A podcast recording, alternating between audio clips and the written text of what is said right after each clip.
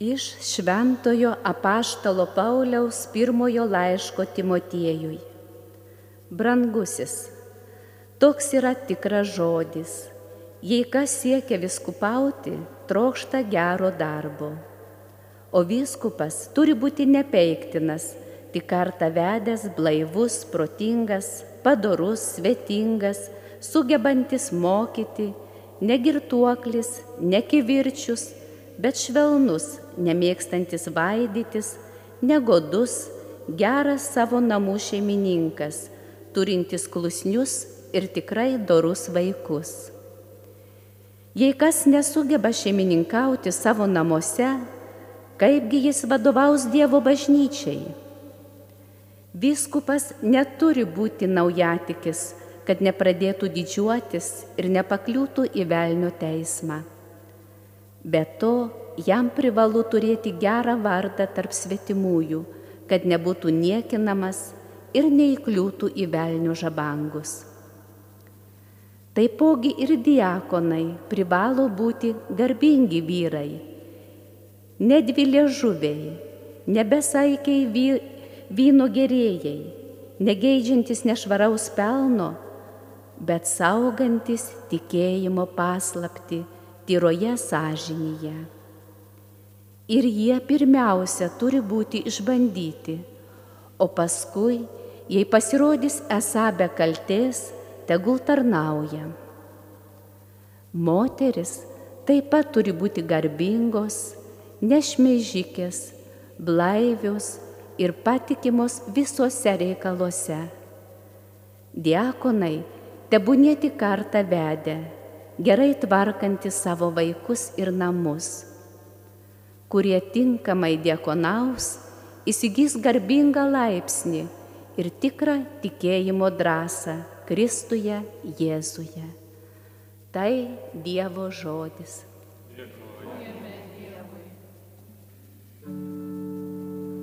Sąžinę gryną turėsiu.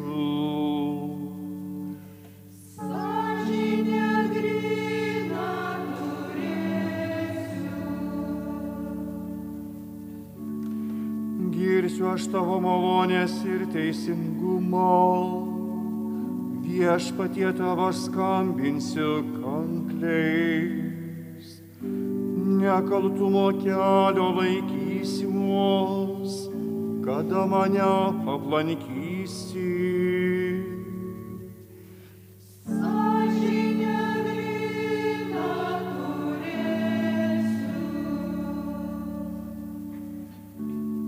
Sąžinę gryną turėsiu savo namų žydinį.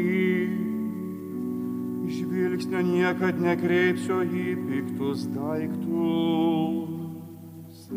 Kas už akių jums juodint kaimyną tramdyti stengsiuos. Galvo kas kels puikybės pritvinės, to nepakesiu.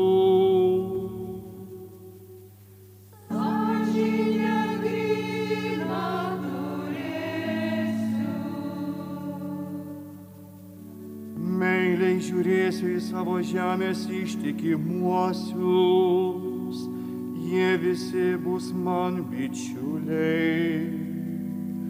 Kas doro kelio laikysis, tą aš priimsiu tarnauti.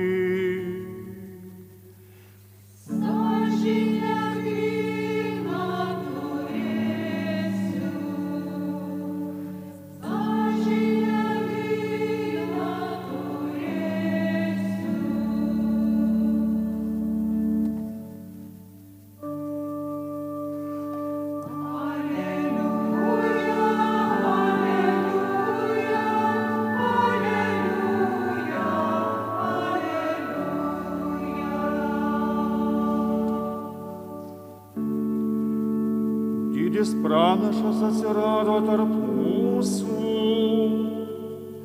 Dievas aplankė savo tautą.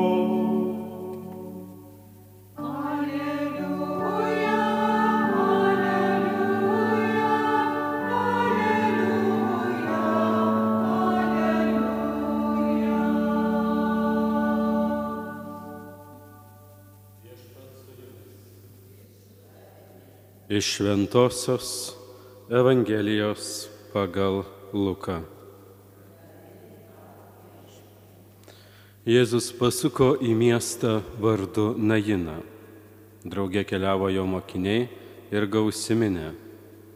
Prisartinus prie miesto vartų, štai nešė numirėlį, vienatinė sūno motinos, o ta buvo našlė. Kartu ėjo nemaža miesto minė. Pamačius motiną, viešpačiai jos pagailo ir jis tarė, neverk. Prie jas palėtė neštuvus, nešėjai sustojo, o jis prabilo. Jaunuolė, sakau tau, kelkis.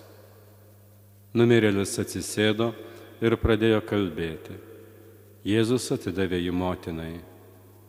Visus pagavo baimė ir jie garbino Dievą sakydami. Didis pranašas atsirado tarp mūsų ir Dievas aplankė savo tautą. Tokios kalbos apie Jėzų pasklido visoje judėjoje ir visoje šalyje. Tai viešpatie žodis, šlovė tau Kristau. Evangelijos žodžiai te panaikina mūsų klaidas.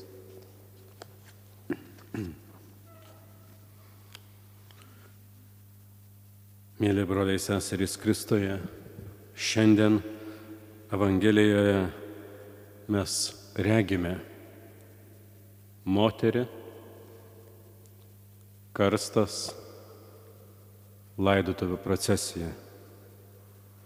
Taip e, galima būtų nusakyti nainę Jėzaus padaryto stebuklo aplinką.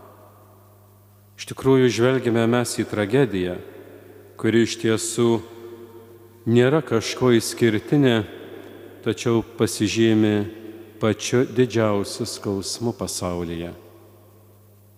Tamsinė vilties kilė, įtraukianti tėvo ar motinos netekusių to, kas jiems buvo svarbiausia gyvenimą. Tai netikėtas ir gazdinantis šaltinis užgneužiantis gerklę, kai žinome, jog viskas jau nebebus taip, kaip iki šiol. Evangelijos pasakojime minima moteris buvo našlė ir turėjo vienintelį sūnų, kuris jai be abejo buvo visas gyvenimas. Iš tiesų tame karste buvo suguldyti dviejų žmonių sunaus ir motinos gyvenimai. Daugybė panašių istorijų ir mes visi esame girdėję, gal patys ir patyrę. Juk mirtis neaplenkia nie vieno namų, bet mums visuomet atrodo, kad jos apsilankimas yra nelauktas, netikėtas ir pernelik žiaurus.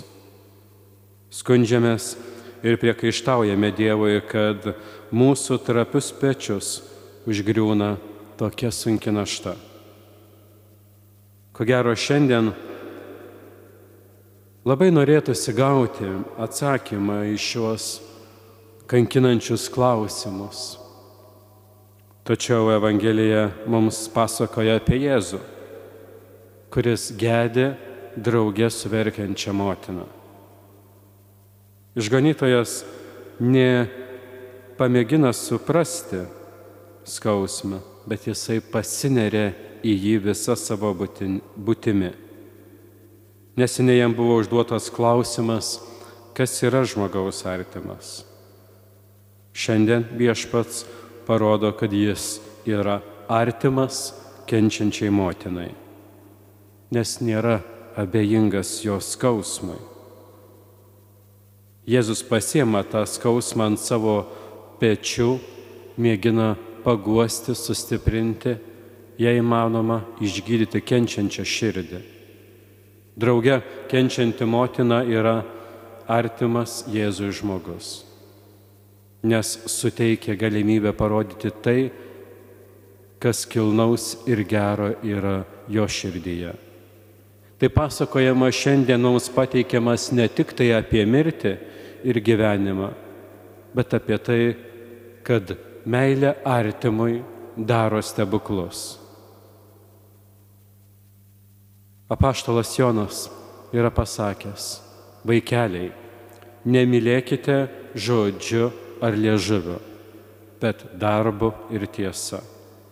Šie paštalo žodžiai išreiškia imperatyvą, kurio išvengti negali ne vienas krikščionis.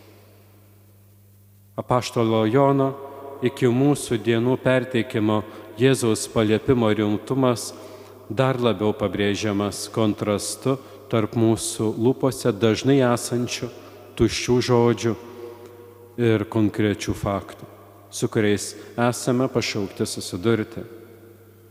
Meilė nepalieka jokio pasiteisinimo. Kas siekia mylėti taip, kaip mylėjo Jėzus, privalo elgtis pagal jo pavyzdį. Tokia meilė negali likti be atsako. Tai pavyksta, kai Dievo malonė, jo gailestingoji meilė kiek įmanoma priemama mūsų širdyje, sujudina mūsų valią ir jausmus, kreipia mylėti patį Dievą ir artimą. Ir Evangelija sako, kad Jėzui pagailo moters. Pirmasis viešpatėjas atsakymas buvo pajusti savo vaiko netekusios motinos skausmą. Išganytojas mato laidotų veiseną, girdi verksmą ir susijaudinę sustoja. Jis neina toliau, kaip paprastai žmonės padaro. Tokiu atveju manydami, jog visa tai jų neliečia. Ne, Jėzus sustoja ir švelniai sako moteriai, neverk. Tačiau Dievui nepakanka nušuostytų ašarų. Jis visuomet godžia išlaisvindamas. Jis prisertina prie žmogaus, kuris e, savo širdyje pikdžodžiauja Dievui, nuolat kartodamas. Kodėl? Kodėl taip atsitiko kaip tik man? Ką aš blogo padariau? Ir tada tarė Dievas savo žodį.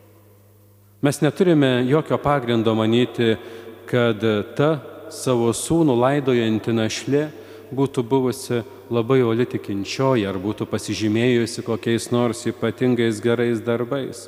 Evangelija mums apie tai neužsimena. Jėzaus, kuris visa širdimi myli gyvenimą, širdį palenkė tos moters skausmas. Ta moteris nieko nemaldavo, bet Dievas išklausė jos širdies skausmo. Tai yra visuotinė, tyli, bežodė malda visų tų, kurie ir nemoka melstis ar neturi tikėjimo. Dievas, jis atskleidžia savim, e, tai, kad jis yra visuomet kartu su žmogumi taip, kaip motina būna šalia savo vaiko. Iš tiesų melstis Dievui nereiškia rėkti, reikšti pretenzijas, įkyriai aiškinti jam, ko norime ir kaip tai turi būti padaryta. Evangelijos ištraukoje girdime pasakojama, kad jinai išgyvena savo vaiko mirtį. Verta pažymėti, širdyje patyrė begalinį skausmą, garsiai nereiškė priekaištų Dievui, nekaltino jo dėl ištikusios nelaimės. Tai buvo tas skausmas, kurį pažįsta tik Dievas. Jėzus priejo, palėtė neštuvus ir prabilo. Jaunuolė, sakau tau kelkis. Kelkis, stokis, pakilk. Visi tie žodžiai mums primena prisikėlimą. Prikeltas jaunuolis atiduodamas motinai, kad jį apkabintų, dar kartą parodytų meilę įsakytų jam savo jausmus, kad jos vėl jungtų tie ryšiai, kurie sieja žmonės gyvenime. Galbūt ir čia ne vienas e, pasakytų, kodėl tas e, stebuklą Jėzus padarė tik tai moteriai. Kodėl jis to nepadaro šiandien kitiems patiriantiems tokį patį skausmą. Ir ko gero suklystų. Ateityje prikeltojo jaunolio ir jo motinos vis tiek laukia mirtis. Viešpaties padarytas stebuklas tik patvirtino, kad yra dalykų įveikiančių mirtį. Tai suprato to stebuklo liudininkai, kurie garbino Dievą sakydami, didis pranašas atsirado mūsų tarpe. Padarytų stebuklų Jėzus papasakojo žmonėms apie užjaučiantį Dievą, kuris keliauja per visus pasaulio miestus ir kaimus, kuris prisartina prie liūdinčiųjų ir verkia kartu su jais. Jis visuomet verkia su mumis, kuomet skausmas atrodytų susprogdins mūsų širdį ir ragina daryti stebuklus. Tiesa, neprikeliant mirusius, bet būnant drauge su kenčiančiais, priimant kaip savo kito žmogaus raudą ir parodytą užuojautą prisartinant prie Dievo, kuris kalba apie nesibaigiantį gyvenimą. Tikėjimas mums parodo šiandien kelią - meilingą laukimą, įsitikinus, kad viskas yra Dievo rankose ir Jis išspręs situaciją tada, kai tai bus naudinga visiems. Daug svarbiau būti vieniems su kitais, mokėti palaikyti viltį ir patiems to siekti. Amen.